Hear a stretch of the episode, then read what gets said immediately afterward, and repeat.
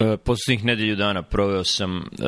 ne toliko vremena koliko sam hteo, ali malo vremena u novom softveru za blogging, verovatno nisi video, ali Dave Weiner koji je napravio, on je izmislio RSS, mislim da se preziva Weiner, možda je Winner. velika razlika. Nije, ili je Winner ili Weiner. Što je, ili je pobednik ili je uh, prevedi Weiner. Kukavac. Da, ili si pobednik ili si kukavac. Uglavnom, on je, on je pre 20 godina izmislio RSS, što je Real Simple Syndication, što je sistem kojim blogovi i ostali sajtovi mogu da standardizovani način da šalju informacije o novim tekstovima koji izlaze i onda je kad je Apple izbacio iPod, uh, oni su iskoristili RSS um, platformu da prikače MP3 fajlove. Uh, u sredini je to Apple uradio. Opet, Dave Weiner je to prvi uradio, kačio MP3 fajlove na svoj RSS i on je počeo i podcasting, mada je to malo kontroverzno jer ima par drugih ljudi koji su rekli da su izmislili podcasting, ali on je, on je jedan od prvih, ako ne i prvi koji je to počeo da radi.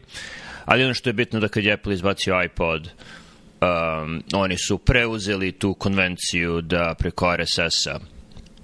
se distribuiraju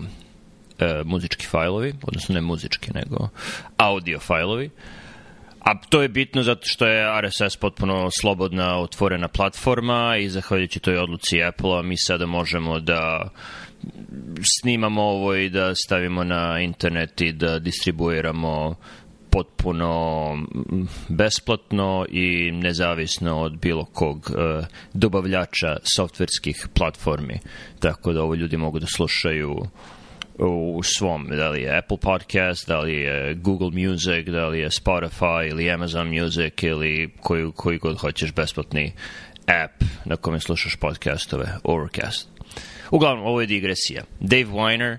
je prošle nedelje, pre nedelju dana, um, izbacio svoj novi projekat, a to je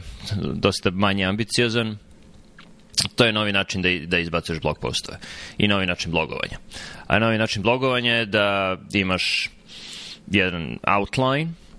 uh, koji menjaš i da klikom na dugme to izbaciš kao blog. Mislim, ja, jako loše teško mi je da objasnim zašto je to toliko bitno bez ulaska u priču, zašto su outlineri bitni, šta su outlineri, zašto nema outlinera više i zašto je to dobro za pisanje i za razmišljanje itd. itd. Jer se sve to na kraju pretvori u jako komplikovane mašinerije tipa Rome Researcha ili se pretvori u grafički interfejs tipa mapa uma, a outlineri nisu to, outlineri su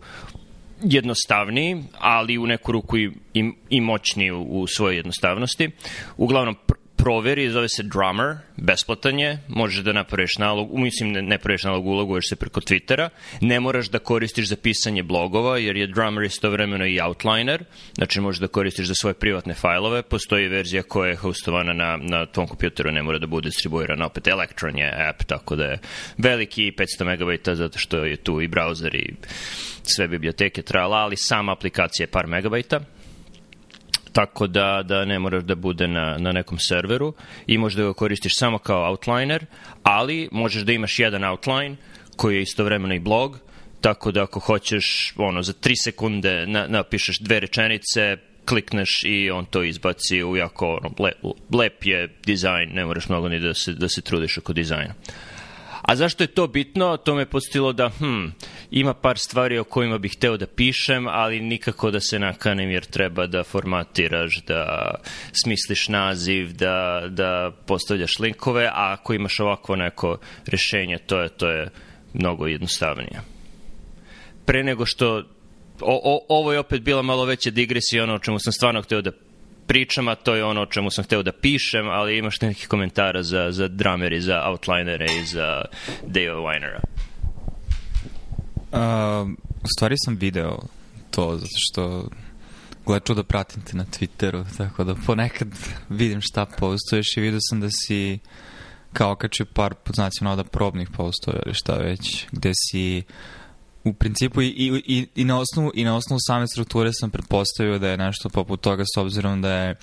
baciš link sa Twittera sa malim komentarom, tako da nije baš quote tweet zato što je van Twittera već na tvojoj platformi, tako da je manje efemeralno, a sa druge strane mogu i da vidim kako možeš da se pretvori u nešto što može da bude ozbiljniji, poduži tekst i nekako sam naslutio da je prijemčivo svega toga u stvari u snižavanju energije aktivacije između netoliko procesiranih, nerazrađenih misli na kraju publikovanja istih. Tako da sam se iskreno i zainteresuo, čak sam razmišljao ako bih ja pisao blog, onda bi ovo bilo rešenje za mene i moj mozak, s obzirom da ne uključuje previše razmišljenja koje moraš da, nego samo ja da sam možda izbaciš svoje misli. A, tako da ću definitivno pogledati. A, ja Što tiče Outlier, mislim da malo nisi možda malo fair prema Rome Researchu, zato što Rome Research nije toliko kompleksan, ali mislim može da porastu kompleksnosti ako hoćeš, ali ako hoćeš da koristiš samo kao outliner, možeš samo da ga koristiš kao outliner. Um, to kažem zato što sam za njih nedelja ove, sve više koristim s obzirom da vadim stvari za boards i onda je mnogo zgodno kada povežeš um, ime hemoterapeutika i onda klikneš na njega kao aha, spominje se i ovde i ovde i ovde i ovde i ovde i ovde i onda tako praviš konekcije između gde se koristimo, romidepsin i tako da. Um, Da, tako da to je moj komentar na Outlinere. Generalno znam da je Omni, Omni grupa imala onaj Omni Outliner koji opet dosta skup i, i zatvoren. Um, mislim, vjerojatno si ti imao iskustvo sa njim, s obzirom da si kupio dosta proizvoda od njih. Um, I ne znam da li Tinderbox može da se svrsta u neku vrstu outlinera i da li si o tome hteo konačno da pričaš ili ne? Ok, ajde onda da imamo čemu si hteo da pričaš. Ne, da, da završim priču o outlinerima. Uh, da, Room Research ima funkcionalnost outlinera, ali kada ljudima prvo pričaš o Romu, neće ti to biti glavna stvar. Nećeš reći Rome Research Outliner pričat ćeš o linkovima, pričat ćeš o tome da je svaki blok ima adresu za sebe i entitet za sebe. Dakle, on nije da deo interfejsa i outline,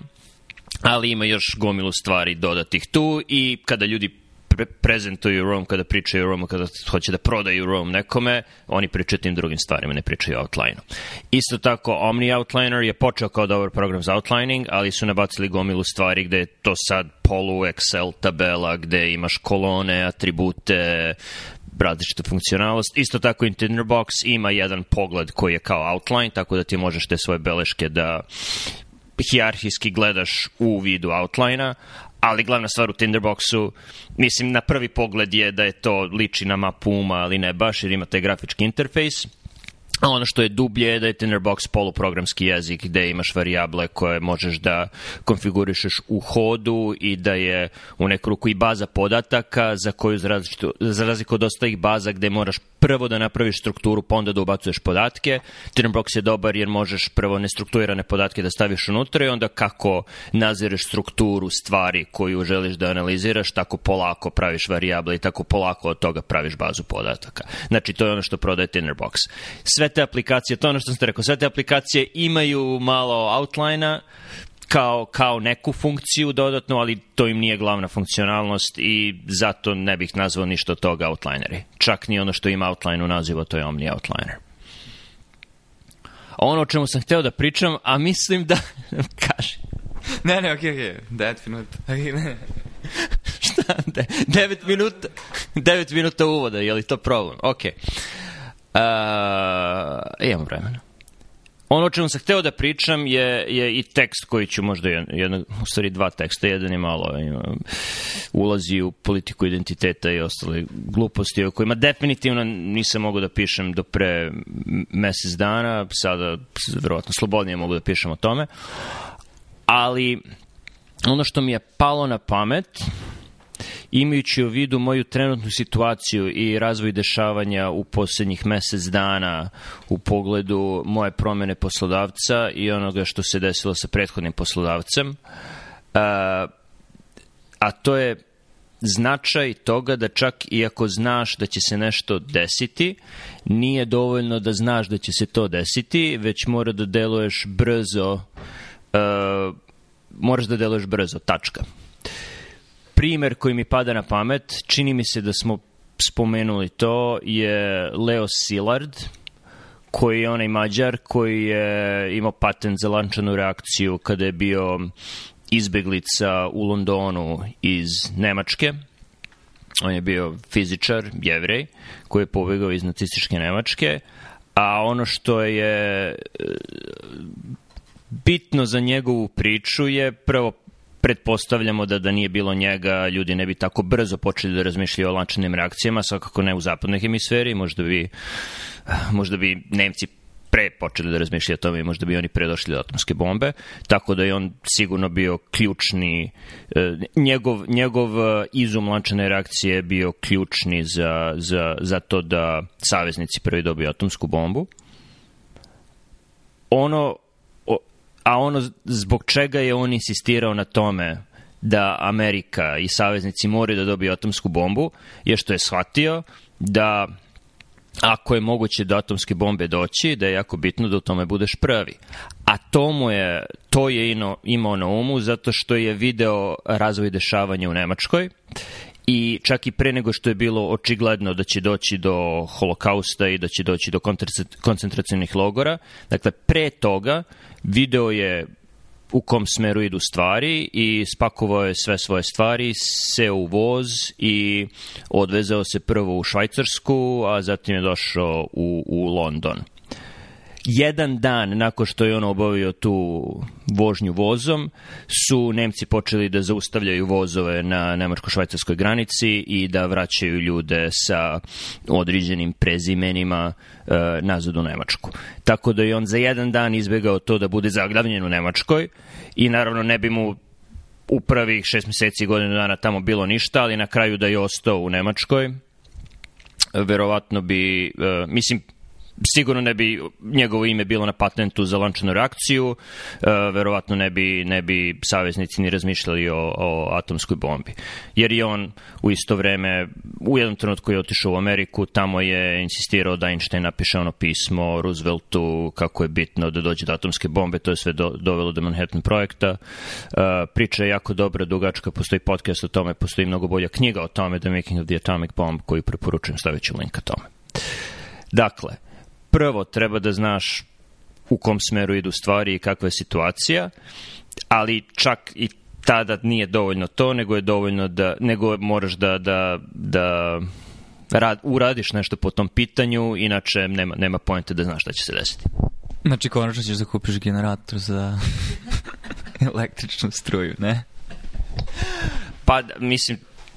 mora još par stvari da se, da se desi da, bi, da, da bih to uradio, ali da, stvari idu u tom smeru, mora nešto da se uradi. Uh, ono što je ok, znači to je jedan primer vezan za drugi svetski rat, drugi primer vezan za drugi svetski rat, primer i, i mislim da je situacija sa, sa pandemijom i sa koronavirusom pokazala obe te stvari, znači delovanje brzo, ali razumevanje situacije i uh, priznanje da stvari nisu redovne i da, da se nešto čudno dešava, to je jedan veliki iskorak koji ljudi moraju da naprave, možda, sam, možda je trebalo sa tim da, da počnem. E, jer postoji dosta porodica, opet u nacističkoj Nemačkoj, jevrijskih porodica koje se nisu pomirile sa tim da, da stvari nisu normalne i da moraju nešto da, da promene u svojim životima. Uh, tipičan primer za to je porodica Anne Frank. Uh, znači, Anne Frank je poznata po tome, mislim, znamo po čemu je poznata. Ona je krila se po podrumima i tavanima različitih porodica u, u Amsterdamu, uh, krijući se od Nemaca, ali ona je došla u tu situaciju zato što su se nje njeni roditelji kao brižni roditelji jako trudili da ostave privid normalnosti sve do ranih 40. godina. E, što mislim super, ali to je dovelo do toga da su svi oni na kraju završili u, u koncentracionim logorima. Dakle, oni su se za vreme kristalne noći, za vreme progona E, jevreja uh, trudili da, da održe svoj redovni život, da, da se ne pomire sa time da, da stvari nisu, nisu u redu. Da, dakle, to je još jedna stvar, moraš sebi da kažeš ne, stvari nisu u redu, mora, mora nešto drugačije da se uradi a onda treba to, tu stvar da uradiš. E, mislim da je pandemija bila dobar primer toga gde institucije pre svega jako dugo se nisu pomirile sa tim da stvari nisu redovne i Svetskoj zdravstvenoj organizaciji trebalo je nedelje da kažu da, da, ovo je pandemija. A, kada je već krajem decembra, početkom januara bilo jasno kako je stanje stvari, jer ako kinezi krenu da grade bolnice,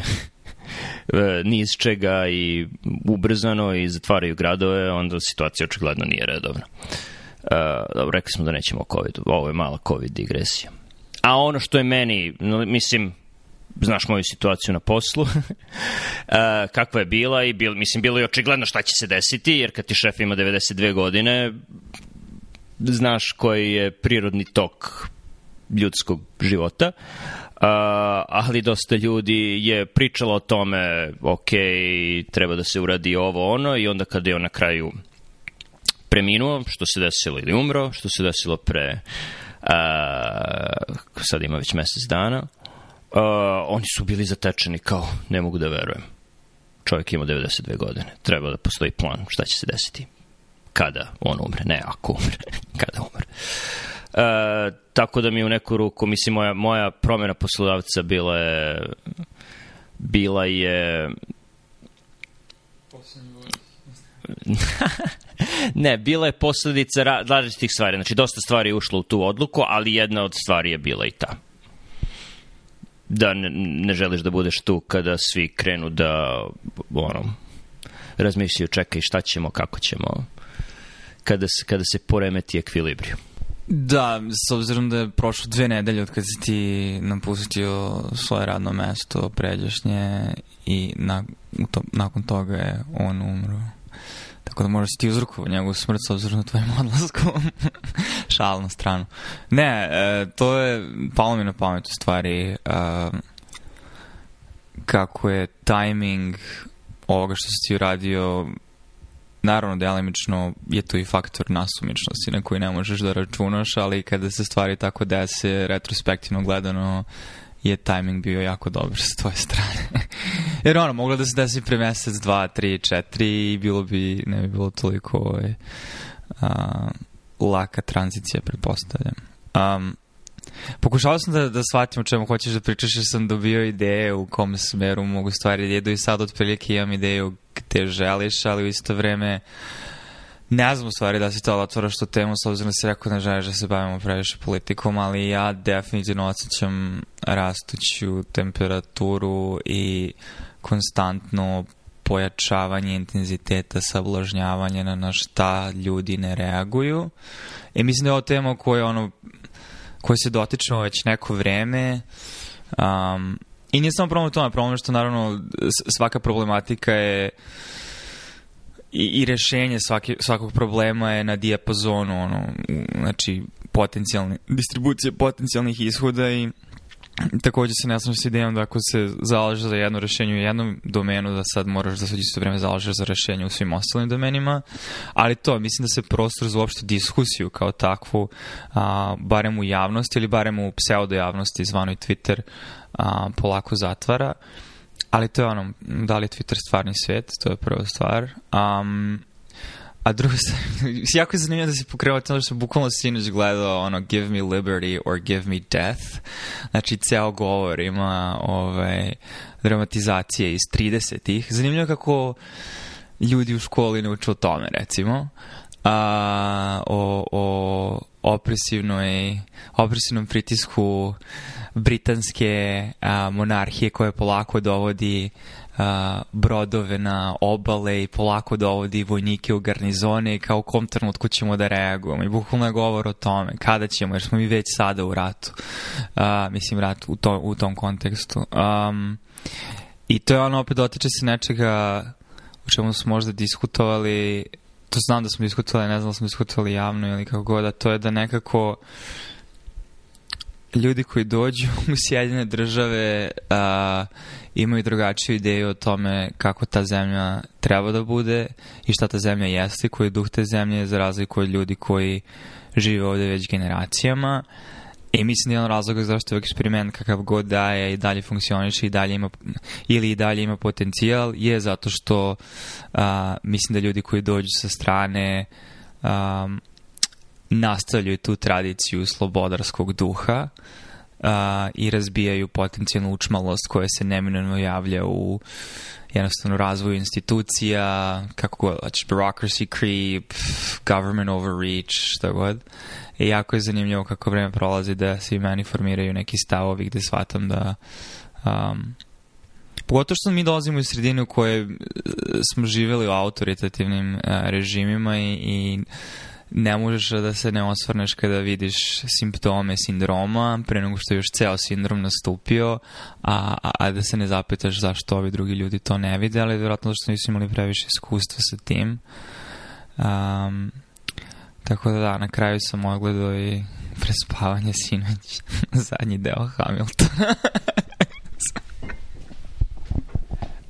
Zanimljivo je da si spomenuo sve to, jer to je druga stvar u kojoj sam hteo da pišem, i do, dobro, reći ti sad ko, koje su mi razmišljenja. Venkateš Rao je, mislim, pre 3-4 godine pisao, uvek se sve svede na Venkateš Rao, pisao je o različitim tipovima lidera ili vođa. Jedni su lavovi, drugi su lisice. Oba su ti potrebna u datim trenucima. Arhetipski primer, da uzmemo srpsku istoriju, e, lava je Karadžorđe Petrović, koji je visok, markantan, snažan, napad na Turke, u trenutku uh, oslobodilačkih ratova Srbije protiv Otomanskog carstva to nije bio dobar pristup, tako da je to propalo, ali onda njega nasledila Lisica Obrenović koji je onako dogovori, moralno ambivalentan, malo sa Turcima, malo protiv Turaka i na kraju dobiješ ono što hoćeš. Uh, Eh, Amerika imala tu sreću da u njihovoj istoriji ima i lava i lisicu u istom paketu. Washington je bio lav, Hamilton je bio lisica, gde je Washington bio visok, markantan vojskovođa, trebalo je u tom trenutku vojska, ali kada su dobili svoju slobodu, došli su Jefferson i Hamilton su dve lisice, na primer, koji su onako moralno ambivalentni, trange frange, dogovori iza zatvorenih vrata, ne znaš šta, šta, šta se dešava, ali dobiješ ono što hoćeš. I E, na čast Amerikancima, oni slave jedne i druge. E, na sram Srba, oni, mislim, ha, Karadžođeviće su zbacili, a Obrenoviće su bacili sa balkona dvora i, i dalje pljuju po njima. Tako da nema, nemaš, nemaš jasan stav ni prema jednoj ni prema drugoj dinastiji, tako da na Srbiju kao gledam na... Monarhija, drugoj je demokratija. Dobro, i to je jedna velika razlika, da. Ali Uh, eh, va, dobro, Monar Ono što je dobra stvar vezana za srpske monarhije je što su svi oni bili svinjari i trgovci do pre 100 godina, tako da nema nekog privida velikih dinastija koje imaju evropske dinastije. Znači, nemaju nekog, nekog dodira sa kraljicom Viktorijom, sve do, mislim, posljednjih Karadžođevića koji preko grčke kraljice trala. Uh, tako da je to u stvari dobra stvar. Oni su mnogo monarhije koje su mnogo bliže narodu, u tom smislu su više kao srednjevekovne monarhije gde znaš ko je bio, ko, ko, ko je gajio svinje, bilo, bio je jako dobar u tome i onda su ga ljudi izabrali da bude vladar. Tako da, da je to bila dobra stvar vezana za srpske dinastije, ima dosta loših stvari. Ali da, mislim, na Srbiju kao, gledam kao na zemlju koja je odbacila oba ta modela i ajde da pljujemo i po jednima i po drugima. Uh, ono što mi se čini sada da se dešava generalno u Americi u, u javnom diskursu je da i oni odbacuju i lavove i lisice, a ne, jedne zato što smo protiv hipermaskulinizacije, hoćemo feminiziranije društvo, mirnije društvo, pacifističko društvo, dakle lavovi ispadaju. Uh, a drugo je zato što smo moralni čistunci i hoćemo da sve bude otvoreno i posipamo se, posipamo se pepelom za sva nedela koje su u naše ime počinili svi u svakom trenutku i svuda, tako da i lisice i njihova moralna ambivalentnost i dogovori za zatvorenih vrata i to otpada. I šta ti onda ostaje? Ne, ne, ne daje se ni jedan model koji je zamena za to, osim hiperlevičarskih modela mislim, komunizma i, i centralne uprave ili hiperdestinčarskih modela eh, tiranije. Tako da mislim da nisam još razmišljao o tome o četiri kvadranta, ali to je model, čini mi se četiri kvadranta gde imaš lavove, lisice, eh, Staljina i Hitlera. To, to, to, su, to su izbori. I onda ako kažeš, ok, nećemo imati ni jedne ni druge, šta ti ostaje? To je problem. Ali kažem, još uvijek je nedopečeno, nisam još počeo da pišem o tome, ali svakako razmišljam o tome. jako je zanimljivo. S obzirom da ono, mislim, ja smo se videli ranije ove nedelje, ali nismo nešto mnogo pričali, tako da zanimljivo kad se jave e, momenti paralela, jer sam ja bukvalno pre neki dan u upao i ovo se možda samo lateralno tiče toga čemu se ti konkretno da razmišljaš, pogotovo što i to dalje razvijaš, ali ovaj, s obzirom da igramo, upao sam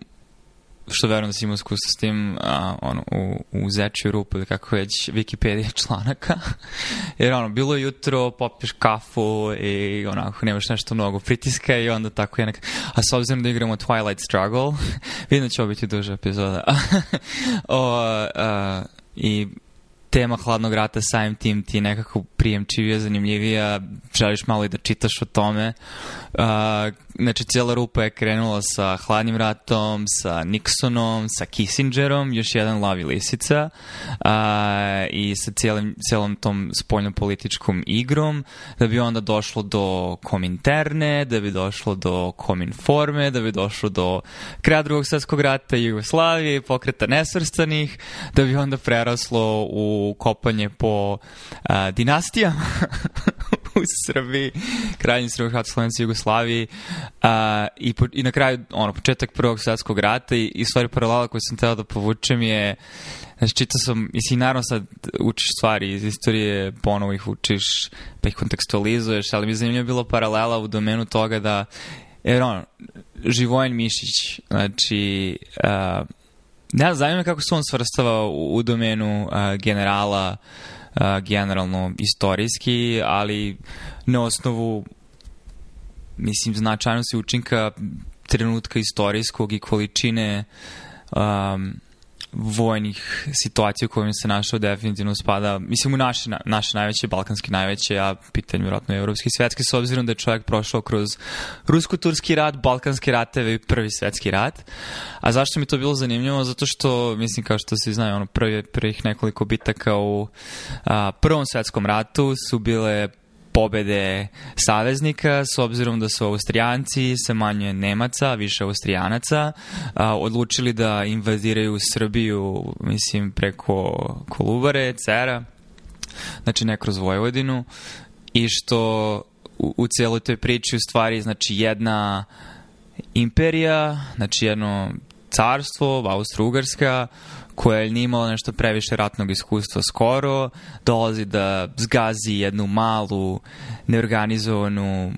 zemlju koja je ratovala zadnjih 40 godina, s obzirom da su se teritorije oslobađale i širile. I onda mi ta paralela bila vrlo zanimljiva s obzirom na ono što se desilo letos u Afganistanu, u smislu da imaš jednu imperiju koja, ili barem naravno, meku imperiju kako god, nazove kako god hoćeš, ali jeste imperija i naravno, znači, po, postojanje sad tu, ali čitav point je bilo tome kako nedostatak iskustva u određenom domenu te dovodi u situaciju da praviš velike greške u proceni, što te množ, i te kako može koštati života, kao što je bilo obe ove situacije, ali generalno, znaš, mislim, to može da se sve, uh, ta paralela može da se povući na ono svakodnevnu stvar da je, ako nisi na floru, duže od par nedelja i vrati se na flor, odjednom počeš da sumnjaš u svoje odluke, da li on pacijentu treba fluidi ili mu, ne, ili mu treba lasik, se razumeš, tako neke ono bazične stvari. Uglavnom, kontinuirano izlaganje stvarnosti u domenu prakse je neophodno zato što uh, ono, intelektualne konverzacije iz fotelja, pokušam da prevedem uh, izraz, um, često mogu da budu pogubne i problematično je što ljudi koji vode te konverzacije su često vrlo inteligentni, rečiti i reči i samim ti mogu da organizuju velike količine ljudi koji takođe nemaju iskustva niti tačnih ideja o tome kako stvari treba da budu a, ili kako stvari jesu a to onda može dovesti do ponašanja na nivou čitavih grupacija populacija koje mogu biti pogubna, a mi se da neki način zatvaraju krug o ovome o čemu si na neki način hteo da pričaš a delimično otvaraju novi krug. Tu mogu sad da, da ubacim Taleba i njegovu diskusiju o absorptivnoj barijeri. Odnosno, ako imaš veliku imperiju koja nema iskustva, nemaš iskustva da uradiš negativnu selekciju uh, loših članova kolektiva, uh, tako da napreduju oni koji su, to što se rekao, prave dobre PowerPoint prezentacije, slatkorečivi su, imaju dobru priču, ali a, a, ako nemaju iskustvo koje će da ih izbaci iz miksa, mogu da, da naprave veliki problem. I mislim da, da, se, da je to ono što se desilo da se vratimo na pandemiju, ono što se desilo sa velikim međunarodnim institucijama, da one nisu testirane od epidemije velikih boginja, verovatno, nisu testirane nekim problemom ove veličine. Ebola jeste bila problem, ali mnogo manji, koji je uglavnom američka vojska sredila E, i američki vojni lekari, a ne Svetska zdravstvena organizacija i CDC nije imao tu puno uloge. Uh, tako da, da kada su došli do toga da moraju da donose odluke i moraju da donose brze odluke, oni su, siguran sam, pravili PowerPoint prezentacije i 20 tačaka na jednom slajdu, zašto je dobro, zašto nije dobro i upleli su se u sobstveni sofizam i nisu videli e, voz koji, koji leti ka njima i, i to važi generalno za, za većinu velikih institucija. Mislim samo da dodam primjer, ono, kruži po internetu, ono, plan za dan D, Uh, i plan za organizaciju afganistanskog društva oba od strane američke vojske jedan vrlo jednostavno tri crte koju je mislim, uz, mislim ishod je bio kao planiran, a drugi je doveo do potpunog nerazumevanja stanja stvari i kolapsa. Da, još jedan primer je uh, ovaj katastro Challenger katastrofa, mislim da je bio Challenger, uh, gde su se opet upleli u sobstvene PowerPoint prezentacije, a nisu verovali fizičarima koji su im rekli ne čekajte, ovo nije testirano na niskim temperaturama, nismo sigurni da će ovaj oprsten da, da, da izdrži tu hladnoću. Uh, ne možemo da garantujemo, treba da zaustavimo lanciranje, a onda su došli ljudi koji su se brinuli o optici toga da se već drugi, treći put uh, odlaže lanciranje šatla i kako će to da izgleda i uh, da li imate dokaza da šteti to, Tako da, da su rekli, i on su oni viši nivoji koji nisu bili direktno na terenu i verovatno nikad nisu držali u ruci te prstenove, su rekli neka, neka poleti. I, I to je bio ono, kraj, kraj svemirskog programa u neku ruku. I mislim da se provejava možda jedan um, jedan motiv, da tako kažem, kroz sve ovo, a možda otvori i a, razgovore na druge teme gde se opet mogu povući paralela, to je jednostavno taj sve rastući upliv birokrata u donošenje odluka, pogotovo velikih organizacija, gde ljudi bez mnogo iskustva, ali sa dodeljenom pozicijom i opet, nema, nema nikakvog ličnog krivenja, mislim, svaka individua ima, mi svako individua, ali jednostavno postupa u skladu sa posticajima u kojima funkcioniš i u skladu od očekivanja, ali ako se postavi na poziciju da nemaš mnogo iskustva, da treba da doneseš odluku uh, donećeš odluku čak i kada ta odluka možda nije dobra ili nećeš donositi odluku. Mislim, različno je koliko sad komiteta neophodno da bi doneo bilo kakvu odluku na određenim radnim mestima, da bi promenio nešto što je očigledno jednostavno rešenje, ali treba postići konsenzus, treba svi da se uključu u konverzaciju, onda ljudi koji možda i nisu toliko uh, orni, željni nekog mukotrbnog rada, žele da izmisle sebi svrhu na poslu, izmišljaju tako tim što upadaju te konverzacije i, i diskusije koje ne vode nikuda i onda na neki način usporavaju proseku i smanjuju efikasnost čitave ljudske organizacije. Do toga mislim što ono podatke Mislim neko na Twitteru skoro okačio ono, na njihovom univerzitetu koliko je ovaj, ono, administratora bilo uplivalo, a, a broj studenta je dalje isti i svi profit... Mislim, ili priča o zdravstvu ovde, znači da ono neprijatna konverzacija koja treba da se vodi da veliki razlog za otvaranje novih radnih mesta u Sjajnim državama jesu različite pozicije koje su u zdravstvu ili vezane za zdravstvo, ali u isto vrijeme te pozicije tako kako doprinose troškovima zdravstva, koji je jedan veliki problem i onda se postavlja pitanje da li rešavaš problem ili samo stvaraš nove probleme, pogotovo kada dolaziš situaciju da neko ko nikada nije u iskustvu sa viđenjem pacijenata tebi diktira tome kako ti treba da viđeš pacijenta. To je pitanje veličine. Mislim da neke stvari ne, ne mogu da postanu prevelike. Mogu ti reći iz ličnog iskustva, prešavši iz organizacije koja ima preko 10.000 zaposlenih, uh, u organizaciji koja ima 22 zaposlena, da je brzina donošenja odluka i brzina, brzina završavanja stvari e, nekoliko redova veličine veća u manjoj organizaciji. Što može biti dobro i loše, ako imaš organizaciju koja ne mora da se, da se brzo menja u zavisnosti od uslova sredine, onda je u redu imati veliku organizaciju, pada mi na pamet, ne znam, IRS, američki, poreska služba ili uh, Social Security, njihova socijalna služba, ne znam kako bih opisao. Uh,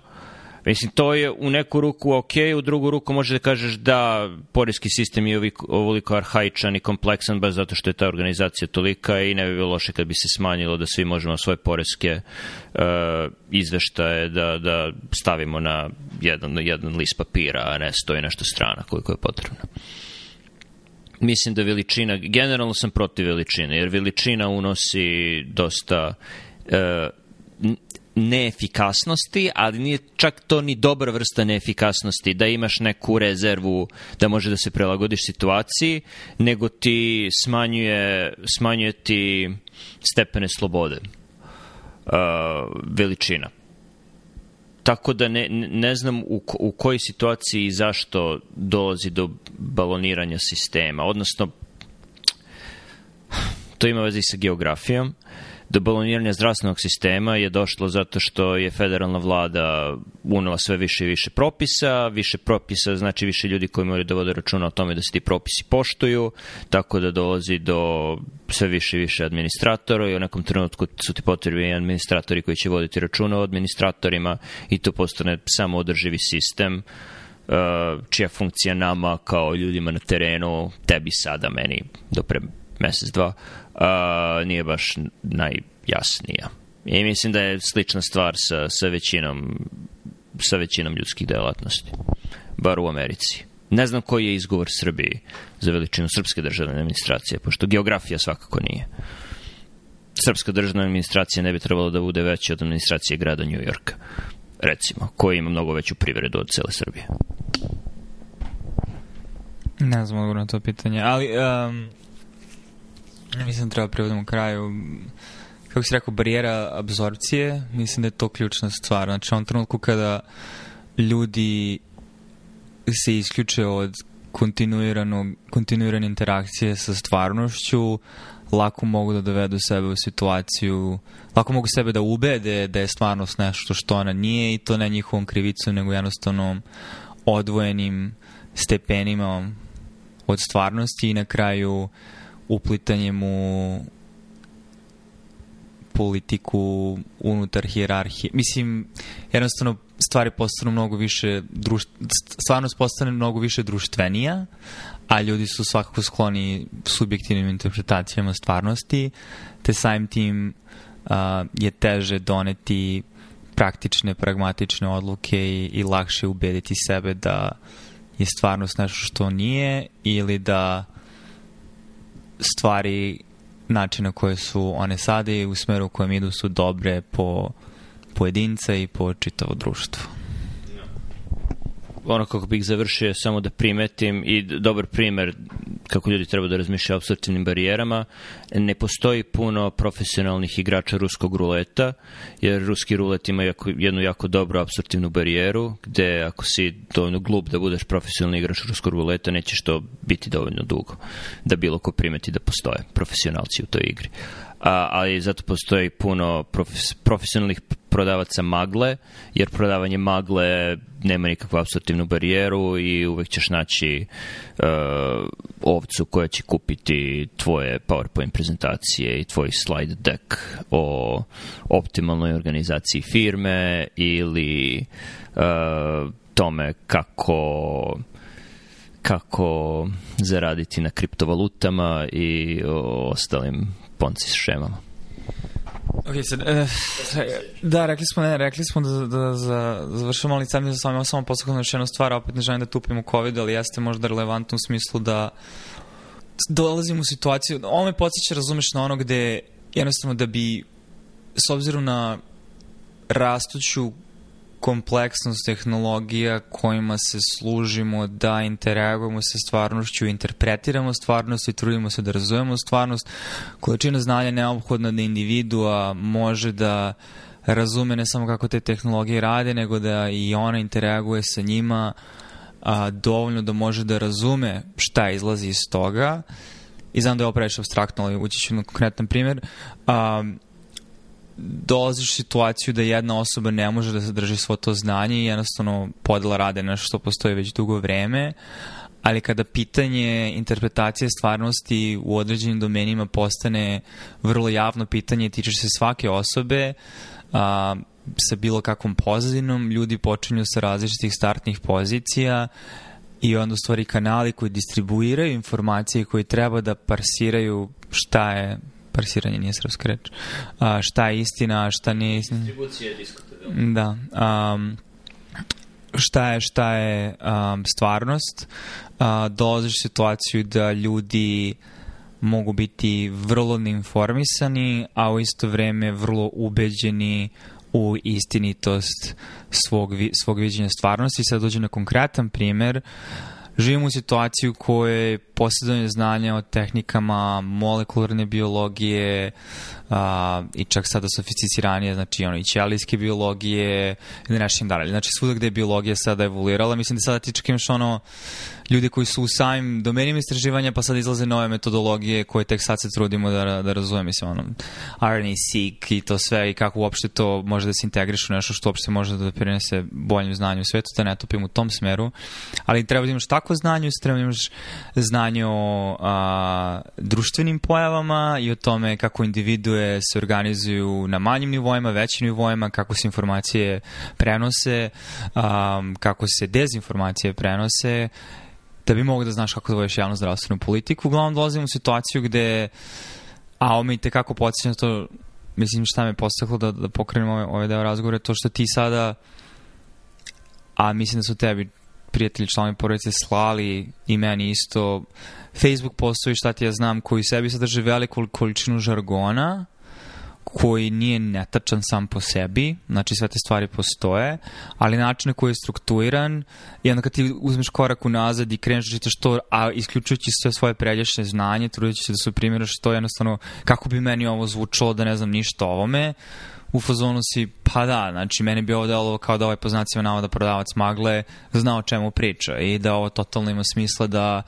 će ova vakcina da izmeni genetski kod zato što la la la la Um, tako da, da, i, i ne znam šta je rešenje, zato što um, sofista je uvek bilo, uvek će biti, ali čini mi se sada više nego ikada, s obzirom na jednostavno objektivno gledano povećani pul znanja, smo u situaciji više nego ikada da imamo ljude koji mogu da, služiti se žargonom i slatkorečevošću, i tekako komuniciraju dezinformacije, a pritom možda ni oni sami ne znajući da oni... I to je ono, kad ti u ovom trenutku kreneš da ne samo konzumiraš i procesiraš, nego onda i produkuješ i eksprimiraš, Mislim, daleko od toga da u nauci nema ljudi koji rade sve to isto. Mislim, to je ljudska sklonost na neki način. Samo je opseg u kojima praviš grešku u razmišljanju, posmatranju uži ili širi. Ali kada to postaje nešto što se tiče svih nas, to me samo malo obeshrabruje u, u domenu dalje organizacije ljudske civilizacije i da li je ovo najbolje što možemo i da li je ovo stupanj u kome se vodi javna diskusija i kako će se voditi javna diskusija u budućnosti i da li smo ikada i bili bolji od toga i da je bilo kakva ideja o um, ekspertima koji znaju o čemu pričaju i institucijama koje znaju šta rade samo privid i da su stvari od uvek bile mislim dezorganizovani i ljudi od uvek bili uh, dezinformisani neinformisani um, ili je sada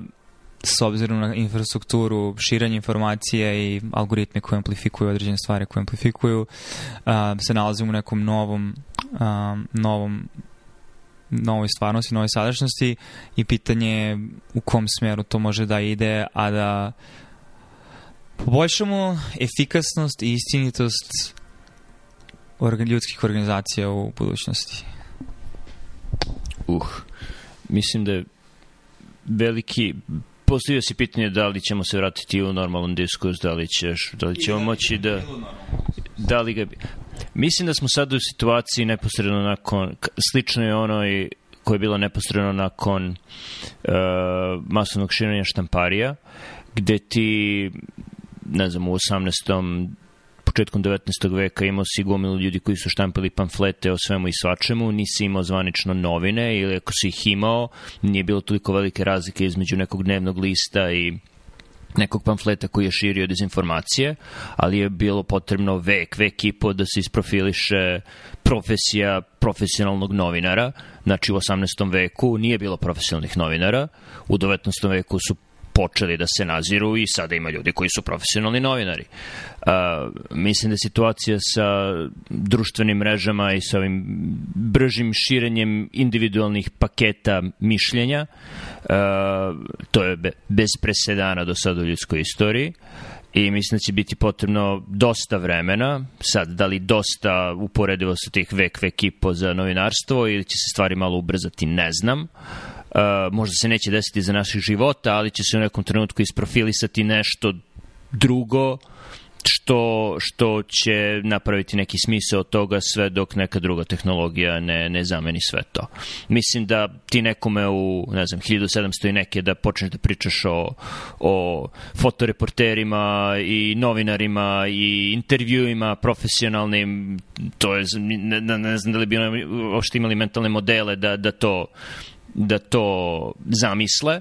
i svakako ne bi mogli da pričaju o tome. Slično tome, ja sigurno ne mogu da zamislim kako će to izgledati za 20, 30, 50 godina, ali prilično sam siguran da će se nešto nešto nešto napraviti od ove primordijalne supe tvitova. Na, i samo hoću, mislim, da se malo ogredim u smislu da me pogrešno shvateš, daleko od toga da mislim da je istina apsolutna i da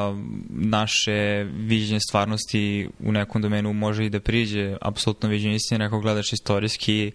svaki novi iskorak u domenu saznanja o svetu oko nas, da li pričamo o fizici, prirodi generalno ili mislim drugim aspektima, eh, je bio samo malo manje pogrešan uh, malo manje pogrešno razumevanje procesa i stvari, um, ali i dalje ono samo delić jedne sve veće slagalice koju svi otkrivamo. Tako da daleko toga da kada pričamo o istini i informacijama da trenutni modeli viđenja stvari, razumevanja stvarnosti kao takve čak i u domenu biologije, imunologije, medicine, a neće se smatrati zastarelim, arhaičnim, barbarskim, nadam se, decenijama od sada, jer ako se ne budu, znači da nešto krenulo mnogo pogrešno. Ali ono što je bitno je da, bez obzira na to, i dalje možemo i tekako da razlučimo nešto što je najbolja moguća ideja o tome kako stvari jesu i da postoji čitava distribucija, oh, već služim tom rečiju, a, um, ideja koje su lošije i da možemo da kažemo da su neke ideje nešto lošije, ali da su neke ideje mnogo, mnogo lošije i da neke ideje su definitivno neistinite. Tako da sa time bih samo to zatvorio.